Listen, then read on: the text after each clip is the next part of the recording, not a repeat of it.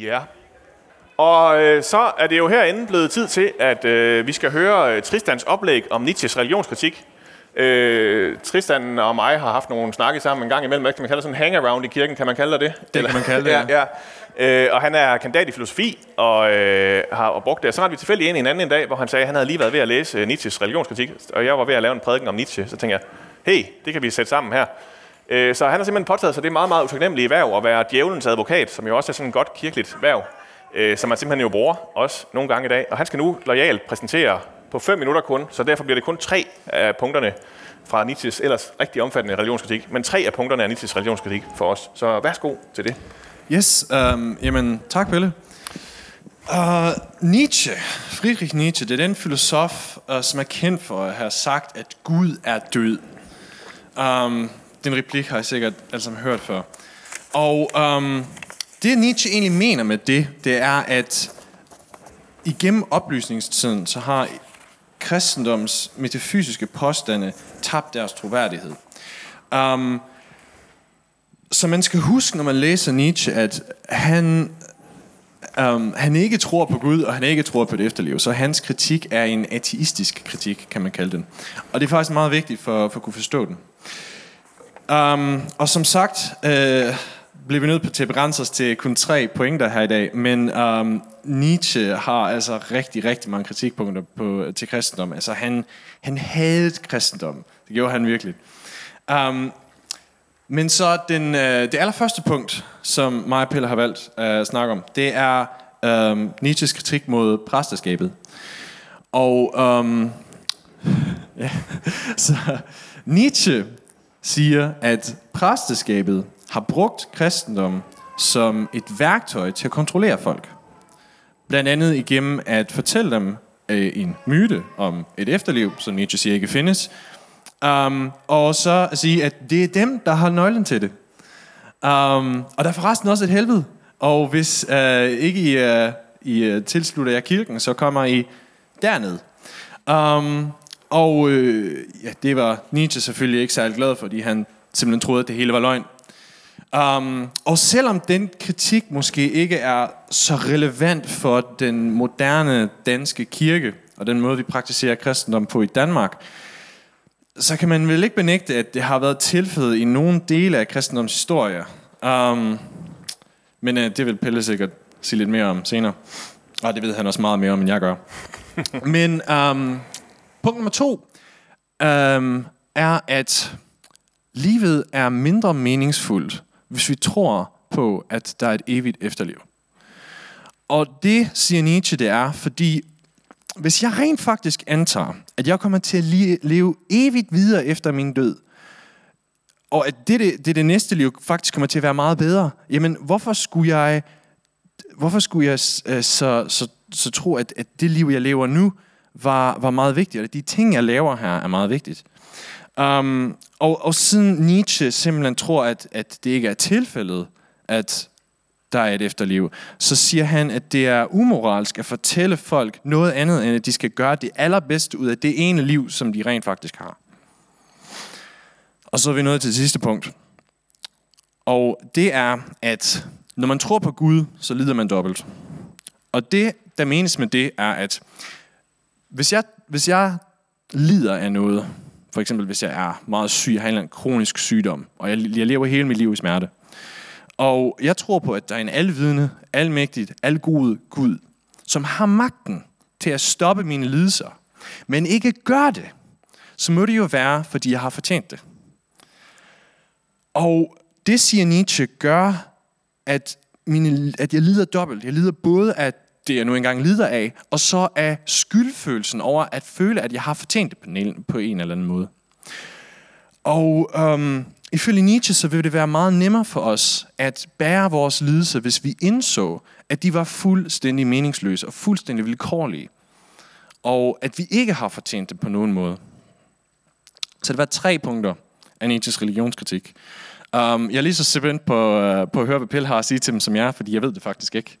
Uh, men først så skal vi høre uh, en læsning af vores bibeltekst til i dag.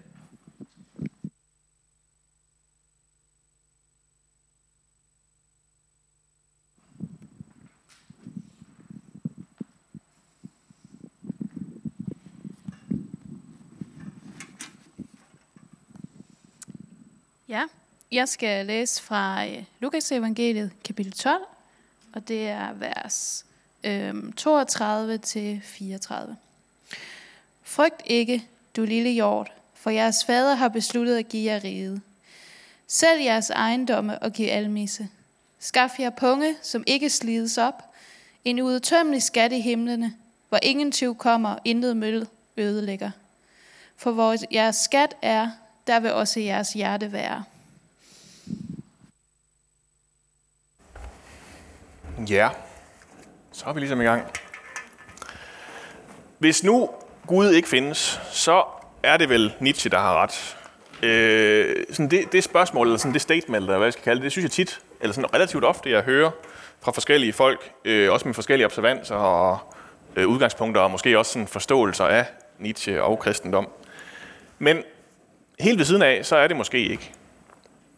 Øh, når Paulus han lister konsekvenserne op af, hvad det er, livet går ud på, hvis Kristus ikke er opstået i Korintherbrevet kapitel 15, så siger han, hvis, hvis det her det er en løgn, så er vi de yngværdigste af alle mennesker. Men det var altså Nietzsche, der tilbage i 1882, som, som sådan ikke nødvendigvis den første, men som den, den, den der råber højst, for erklæret, at Gud er død. Det gør han i Den mundre videnskab, og lidt senere også i Således talte Zarathustra. Øh, og det er sådan en ret interessant scene. Den er sat sådan, at øh, der er simpelthen en, det er en fortælling, og der er en gal mand, der render rundt på en markedsplads, og så råber han, hvor er Gud, hvor er Gud? Og så pludselig, så konkluderer han der, der er ikke rigtig nogen, der svarer ham, Gud er død, og det er os, der har dræbt ham. Og han kan godt fornemme, at den bliver ikke sådan helt, den siver ikke helt ind hos folk. Så derfor så ender han også med at konstatere, øh, at han må være kommet for tidligt. Folk har ikke helt opdaget, at de har slået Gud ihjel endnu. Øh, og det er sådan Nietzsches måde at sige på i 1882. Vi er begyndt at leve uden Gud. Vi har ikke helt opdaget det endnu. Gud er altså ikke bare død. Det er os, der har dræbt ham. Og selvom det øh, jo hos Nietzsche er en kølig konstatering, der kommer ud af den her en, øh, massive vrede også. Øh, en konklusion, som han er den eneste, der rigtig tør drage og sige højt, når han ser sig omkring i samtiden. Øh, så kan han konstatere, at, at når han kigger sig omkring, at folk er begyndt at leve i stadig mindre afhængighed af Gud. Stadig mindre tro på, at det er Bibelen, der er forklaringen på alting. I takt med, at teknologi og videnskab ligesom kan forklare mere og mere for os. Øh, måske er der andre måder at tænke etik på, end den der måde, som præsten prædiker om det på, begynder folk at tænke. Øh, der er også nogle huller i det, begynder man stille og roligt at opdage. Det er ikke altid præsten, det, det virker det, præsten siger. Men Guds død, som jeg forstår det, og nu, nu tolker jeg her, er på nogen måde faktisk også en, en slags sorg hos Nietzsche, Nietzsche tror jeg. Øh, verden uden Gud, der er ikke rigtig nogen, der kan, kan forstå, hvordan den fungerer. Så han må starte sådan fuldstændig forfra med at konstruere den. Hvordan ser moral ud, hvis der ikke er en Gud, der fortæller os, hvad der er rigtigt og forkert? Øh, og så må han simpelthen starte forfra, øh, og kommer så med hele den her lange række af afsløringer og siger, det her, det er altså ikke sådan, verden fungerer. Og Tristan han har så udvalgt tre af dem og, og delt med os i dag. Tre af de helt store. Jeg bliver nok nødt til at starte med den første. Øh, fordi øh, Tristan eller Nietzsche startede jo med at komme med en ret uheldig afsløring. Øh, en præst som mig er primært præst for at få magt.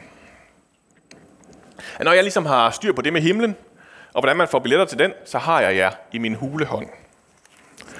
Og som han også lige var inde på, så er det måske gået lidt ned ad bakke med den magt i vores dage. Der var noget mere ved det dengang, da landet gik rundt og var bange for hele den kristne, eller hele landet gik rundt og var bange for den kristne Gud. Og man sådan, som præst havde ret til at nægte ubrudværdige syndere plads på indvidet jord, så de ikke kom i himlen og sådan nogle ting. Øh, men selv i dag, selv sådan en, en magtesløs præst som mig, vil Nietzsche jo nok være lidt efter alligevel. Fordi jeg står her og snakker om evighed og håb, og alle mulige andre sådan ubeviselige begreber og størrelser, som øh, gør, at os, der gerne vil kalde os kristne, vi skal til at leve, eller ønsker i hvert fald at leve vores liv på en anden måde, end hvis nu alt det her, præsten prædikede, det bare var noget, som ikke fandtes, og noget, vi bare legede alt sammen. Og man skal jo kigge så ret langt omkring, for at øh, se de her præster stadigvæk. Man kan fx tage til en eller anden amerikansk megakirke og se, hvordan præsten han lynhurtigt bare har fået det her gjort til sådan en forlængelse af sit eget ego. Sådan et stort projekt for sig selv. Øh, man kan da også aflæse det statistisk. Øh, præster er et af de jobs, sammen med for eksempel kokke og direktører og sådan nogle ting, hvor der er allerflest psykopater. Øh, Så selvfølgelig er vi da også fuldstændig naive, hvis man tror, at lige præcis det, man selv går rundt og har gang i, lige præcis det, jeg laver, det gør jeg kun med rene motiver. Øh, jeg er den eneste, der ikke har gang i et egoistisk projekt. Øh, men selvom man har det, så kan det jo faktisk godt være, at der sker noget godt alligevel. Øhm, ja, jeg ved ikke, øh, sådan lidt sådan både overfortælling. For en, for en måneds tid siden, så var jeg på Oasehøjskolen øh, og fortælle om øh, næste kærlighed og undervise i det. Og så havde jeg blandt andet fremhævet den danske filosof og teolog K.E. Løstrups tanke om, at næstekærligheden altid er nødt til at være en spontan kærlighed. Det skal være en suveræn livsødring, som kommer sådan uden alle de her beregnende motiver. Øh, og jeg var forbi dernede igen i onsdags, og øh, så fortæller en af elever mig, at øh, det havde taget så meget til sig, at hver gang der var nogen, der ligesom gjorde noget godt, hentede noget vand eller et eller andet, så var de altid lige hurtigt at sige, at det var ikke spontant det der, så det var ikke næste kærligt. Øh, øh, så, så det var gået rigtig godt. Øh, præsterskabet, de skal nok få ødelagt verden. Øh, mest som en joke, selvfølgelig, sagde de det. Men, men, øh, men der er selvfølgelig øh, øh noget der stadigvæk. Ja, jeg væver lidt, fordi Tristan har jo sat mig lidt i en utaknemmelig position nu hvor jeg kan svare to ting til, om præster de er nogle manipulerende skiderikker eller ej. Jeg kan sige, ja, det er vi. Stop med at lytte til os. Øh, eller jeg kunne prøve sig med nogle lidt mere elegante argumenter på den anden side og sige, at vi er jo faktisk søde nok alligevel. Øh, som jo blot bare vil bevise min vilje til magt, og hvordan jeg manipulerer med jer med de her metafysiske begreber. Men hvis I sådan lige giver mig lidt frirum og giver mig lov til lige at tage sådan en eller anden midtervej alligevel, så vil jeg sige til den første mulighed, præster er manipulerende. Øh, ja, altså selvfølgelig skal man lytte kritisk til en præst også. Det forventer jeg faktisk af jer, at I gør. At øh, de dage, hvor ja, tingene var, altså de dage, hvor tingene var rigtigt, fordi jeg sagde dem, de er, de er forbi, fordi præsten sagde dem. Og en af de bedste måder at lytte kritisk til det, der bliver sagt, også i en kirke på, det er jo, at man øh, faktisk lytter i fællesskab.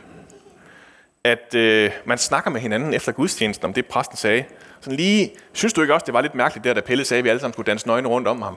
Altså, altså øh, der, der må jo være nogle ting der, ikke også, hvor at, at, at, at den der sådan, øh, uro ved det, præsten siger, den skal man selvfølgelig reagere på. Den skal man selvfølgelig dele med hinanden. Øh, og det tror jeg er den allerbedste måde at undgå, at øh, præster de får lov at være nogle manipulerende skiderikker på.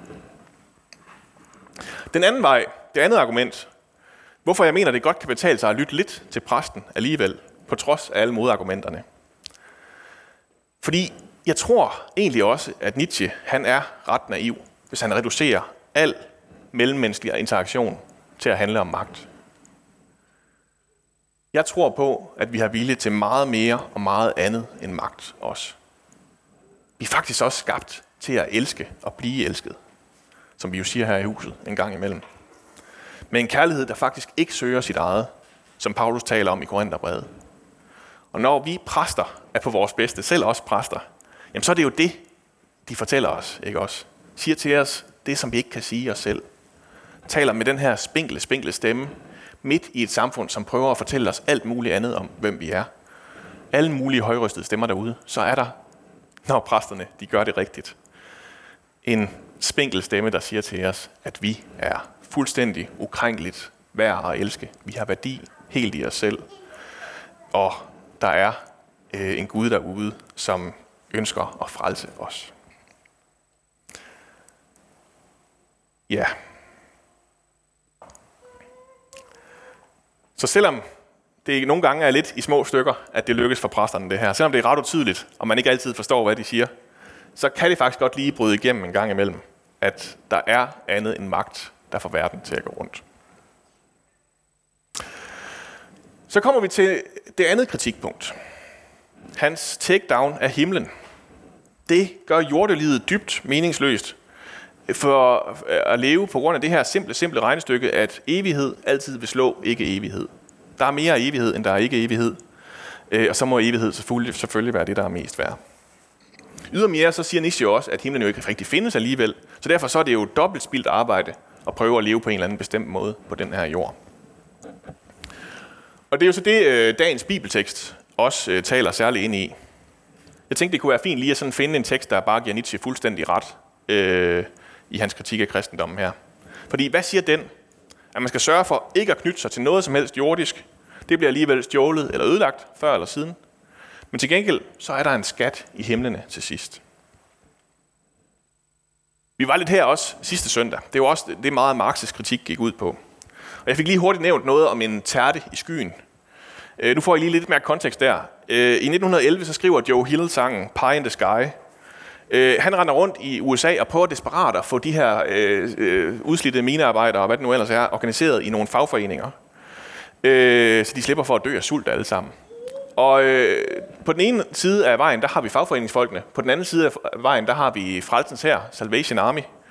Øh, og øh, Joe Hill, han døber øh, Salvation Army for Star, Starvation Army. Øh, øh, og de står her, øh, fordi de fortæller jo bare folk, at det er fint nok, og de skal køre det hele. Så de har, står her og har sådan en kamp om, hvem der kan spille højst. Og derfor så begynder øh, fagforeningsfolkene at finde på alternative tekster til salmemelodierne. Så derfor så skriver han den her sang. You will eat, you will eat, by and by, in that glorious land above the sky. Work and pray, work and pray, live on hay. You will get pie in the sky when you die. That's a lie. Du får noget at spise op i landet over skyen. Der er tært i skyen, når du dør. Så det er bare at arbejde og bede lige nu, og så kan du ellers fint leve med at leve af hø øh, indtil da. Det var det, der var Star, Starvation Armys budskab ifølge Joe Hill. Kristendommens tale om evigheden er simpelthen blevet brugt og misbrugt til at legitimere nogle forfærdelige forhold for mennesker. Til at legitimere den mest øh, forfærdelige misbrug af mennesker og fastholde mennesker i deres lidelse med løftet om, at det en dag, så bliver det hele meget bedre. Hvis bare du, du passer dit arbejde nu og gør, som din chef siger, så bliver det meget bedre en dag. Men igen, lidt ligesom sidste søndag, så tror jeg, at vi misforstår bibelteksten også, hvis vi tror, at det er det, den siger. At vi bare skal finde os i det hele nu, fordi så bliver det alligevel godt til sidst, når vi dør. Det kræver ikke særlig meget for skævredet, det der hører, så det kræver lige, at man holder sin tunge lige i munden, øh, når man siger det her. Jesus han fortæller os, at vores materielle behov aldrig nogensinde kan blive stillet her på jorden. Fordi det hele er forgængeligt. Det kan blive stjålet, det kan blive et. Så hvis du lægger dit hjerte i det, tror, at det er Ferrari'en eller dit kongelige porcelæn, eller hvad det nu er, du skal, du skal leve for, så kommer du til at leve et meget, meget bekymret, meget, meget ulykkeligt liv. Det Jesus siger i stedet for, det er, at man skal samle sig skatte i himlen. Og det gør man altså primært ved at ture og have det, man har på jorden, med åbne hænder. Ture og give det væk. Det er sådan, man kan leve et liv i Guds rige, sådan man kan leve et liv her på jorden, uden at skulle være styret af frygt hele tiden. Hvordan man så lige gør det, det synes jeg er sindssygt svært. Det har jo ikke altid virket. Af og til så møder man en af de her øh, sådan, øh, seje kristne, der gør forsøget. Øh, giver det hele væk, oplever nogle fantastiske ting om, hvordan Gud sørger for dem, og holder nogle dejlige vidnesbyrd. Men når man så også sådan lige øh, er færdig med eksperimentet, eller noget på et eller andet tidspunkt, så kan de også fortælle historien om, hvordan man levede med konst, konst, konstant angst. Man aldrig helt vidste, om, om der var mad næste morgen. Øh, og selv for de allerførste kristne i apostlenes gerninger, så går det galt, når de prøver at leve efter princippet her. Og sælge alt, hvad de ejer. Der kommer både løgn og hykleri og uretfærdig fordeling af ressourcerne ind, selv i kirken alligevel der. Men hvis vi nu lader være med at lave det her til sådan en hel metode med det samme, gør det her til sådan en utopisk samfundsmodel, og sådan burde vi alle sammen leve, og så i stedet for gør det til en måde at være i verden på, at vi lærer at leve med de her åbne hænder, med at se alt det, vi har fået givet.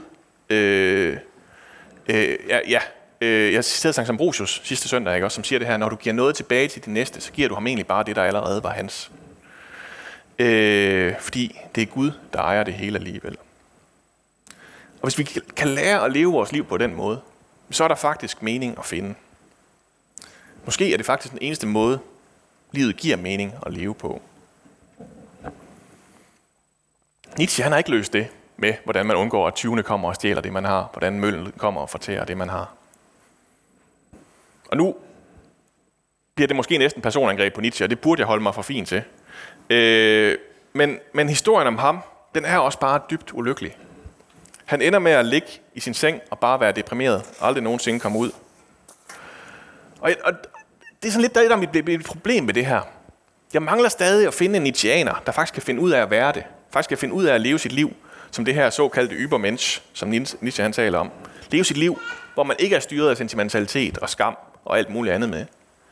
Og jeg er med på, at det selvfølgelig ikke var nazisternes måde at bruge begrebet på, der var Nietzsches mening med det. Men, men der er simpelthen ikke nogen, der kan finde ud af at leve, som Nietzsche gjorde det. Nietzsche kunne ikke finde ud af at leve, som Nietzsche synes, man skulle leve sit liv. Så når Nietzsche han siger, at ideen om evighed, det gør jordelivet meningsløst, så er min påstand altså, at det kun er ideen om evigheden, der gør jordelivet meningsfuldt i stedet for. Vi så det i går. En fodboldkamp, den kan hurtigt blive ret ligegyldig, når det lige pludselig er liv og død, der er i spil i stedet for. Så hvis man faktisk begynder at leve sit liv i lyset af evigheden, som Jesus taler om det i dag, og ikke i den der ligegyldighedsudgave, som, som masser af kristne også er faldet i gennem årene, men i stedet lever sit liv, hvor det ikke handler om at finde sig i uretfærdighed, men netop gå ind i den i stedet, og leve et jordeliv, hvor man går direkte ind og tør at gøre noget ved det, som er uretfærdigt i livet. Faktisk at gå ind i den forvandling. Fordi man har evigheden i ryggen. Så sker der noget andet.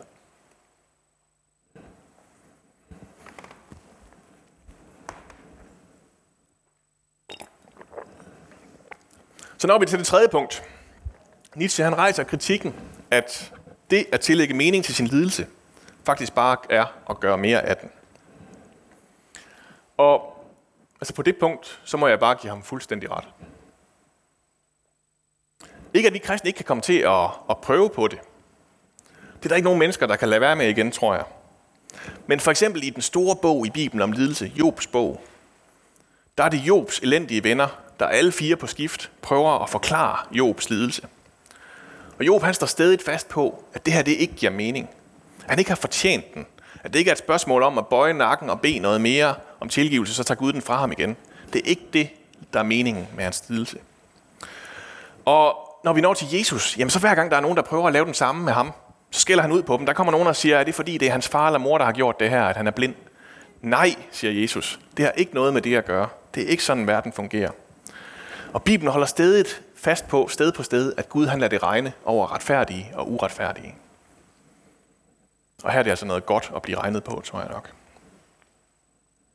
Gør det så verden amoralsk, som Nietzsche siger? Altså, måske. Det kan i hvert fald godt se sådan ud fra vores perspektiv. I, øh, I filmen The Island fra 2005, så spiller Evan McGregor og Scarlett Johansson to kloner, øh, der er blevet bygget på en fabrik som sådan en reservedelslager for rige mennesker. Øh, og det ved de selvfølgelig ikke selv. Øh, de ved ikke, at de er kloner. De ved ikke, at de kun er tre år gamle. Øh, de har voksne kroppe og tror selv, at de er almindelige mennesker. Men McGregor han har en ven, Steve Buscemi, som er mekaniker på fabrikken, der selv er sådan et ægte, rigtigt menneske. Øh, og har et sådan helt normalt, rodet, skuffet menneskeliv bag sig. Og på et tidspunkt, så siger han, øh, de står og snakker, McGregor og Buscemi har en snak der, og så siger øh, Buscemi, at, at læger har et gudekompleks. De tror, de er ufejlbarlige. Og McGregor, han spørger forundret, hvad er Gud? Han har aldrig hørt ordet før. Han er kun tre år gammel, ikke også? Og vennen, han læner sig så frem og siger, kender du det, når man rigtig gerne vil have noget, og ønsker sig det? Ja, det kender han godt. Gud, det er ham, der ignorerer dig. Gud er ham, der ignorerer dig. Den er virkelig fræk, ikke også? Men altså, kong David siger nærmest det samme i sine digte. For eksempel salme 10. Hvorfor står du så langt borte her? Hvorfor skjuler du for dig, der for mig i trange tider? Jesus han skriger det samme på korset. Min Gud, min Gud, hvorfor har du forladt mig? Så vi har altså ikke sådan nogen forklaring på lidelsen. Der er ikke nogen mening med lidelsen i, i kristendommen. Det kan vi lade de andre religioner om. Til gengæld så har vi noget, som er langt mere værd. En, der er i lidelsen sammen med os. En, der selv har været der. På mange måder så var den her idé om, om Gud, der gav afkald på magten, den svage Gud, noget af det, der provokerede Nietzsche allermest. At Jesus han er så svagelig, at han gør sig til menneske. Nu kan det selvfølgelig komme til at, at lyde som om, at jeg prøver sådan at snige meningen ind af bagdøren alligevel nu. Øh, det synes jeg ikke, at gøre. Øh, jeg synes, der er forskel her. Øh, der er ikke mening i lidelsen, men der er en, der er sammen med mig i lidelsen. Midt i det svære. En, som kan holde til al min vrede og smerte. Og det er noget andet. En, der endda er klog nok til ikke bare at give mig et letkøbt svar og stå der som Jobs venner og alle de andre, øh, når jeg virkelig ikke kan forstå, hvorfor det her det skal ske. Og så ved jeg godt, at jeg ikke har svaret på Tristans spørgsmål om, øh, hvordan vores gode, gode far alligevel giver os den der lidelse. Det, det har vi ikke nogen forklaring på. Øh, der er selvfølgelig meget mere at sige. Øh, det eneste, jeg kan sige, det er, at Gud er med i lidelsen. Så for at opsummere, hvad kan vi lære af Nietzsche? På den første, præster prøver at få magt. Ja, nogle gange, og nogle gange lykkes det dem faktisk også at sige noget fornuftigt alligevel. Øh, men det vi så kan gøre, det er jo så at insistere på at tænke højt sammen. Insistere på, at det er et fællesskab, en kirke, der lytter til en prædiken og vurderer det, der bliver sagt. Det er ikke bare præsten, man stoler på blindt. Den anden, evigheden gør timeligheden meningsløs. Nej, der går jeg så Rasmus modsat. Evigheden gør time, timeligheden meningsfuld. Øh, vi, vi kan godt forvente det om, vi kan godt prøve at leve på den anden måde inde i vores hoveder, og det har kirken gjort masser af gange. Men vi har brug for evighedsperspektivet for at, som Hans Anker Jørgensen siger det i sin salme der, kunne gøre i dag, hvad der evigt giver mening. Den tredje, mening med lidelsen er dobbelt lidelse. Ja, Bibelen snakker heller ikke om meningsfuld lidelse. Til gengæld så har vi en Gud, der selv er gået med os i lidelsen, selv har været der, selv er sammen med os midt i alt det frygtelige. Ja, det var det, vi lærte af Nietzsche i dag. Amen. Jeg vil bede. Far, øh, tilgiv os, når vi øh, misbruger de positioner, vi har fået af dig. Vær særligt noget imod os præster, som øh, kan have så travlt med at få til at handle om alt muligt andet, og give os alligevel at få talt om det, vi ikke kan sige os selv, om din ubegrænsede kærlighed til mennesker. Far, øh, tilgiv os, når vi øh, gør vores liv her på jorden meningsløst, fordi vi alligevel bare tænker, at vi skal videre en dag. Øh, må du hjælpe os til, netop i lyset af, at det her det ikke er det sidste, der er at sige om os, at øh, en dag skal leve i en verden, hvor vi ikke kan miste. Øh, så at ture og give slip også i det her liv. Ture og del ud af det, som du har givet os. Og far, øh, så forstår vi stadig ikke, hvorfor verden fungerer, som den gør. Hvorfor der er det alt den meningsløse lidelse i verden. Hvorfor du, vores gode far, ikke bare kommer og gør alting godt. Det vil vi sådan ønske, du gjorde. Og tak fordi, at øh, du kan holde til, at vi skiller dig ud. At du stadigvæk er sammen med os. Midt i alt det svære. At du selv kom ned på jorden og blev menneske. Døde og led og blev tortureret for at gå med ind i alt det svære. Ja. Bed dig om, at øh, du må sørge for, at det, der skal lægge sig i hver af vores hjerter, de må lægge sig efter den her prædiken. Og det, der ikke var til os, at det må gå videre igen. Hjælp os til at dele det med hinanden. Amen.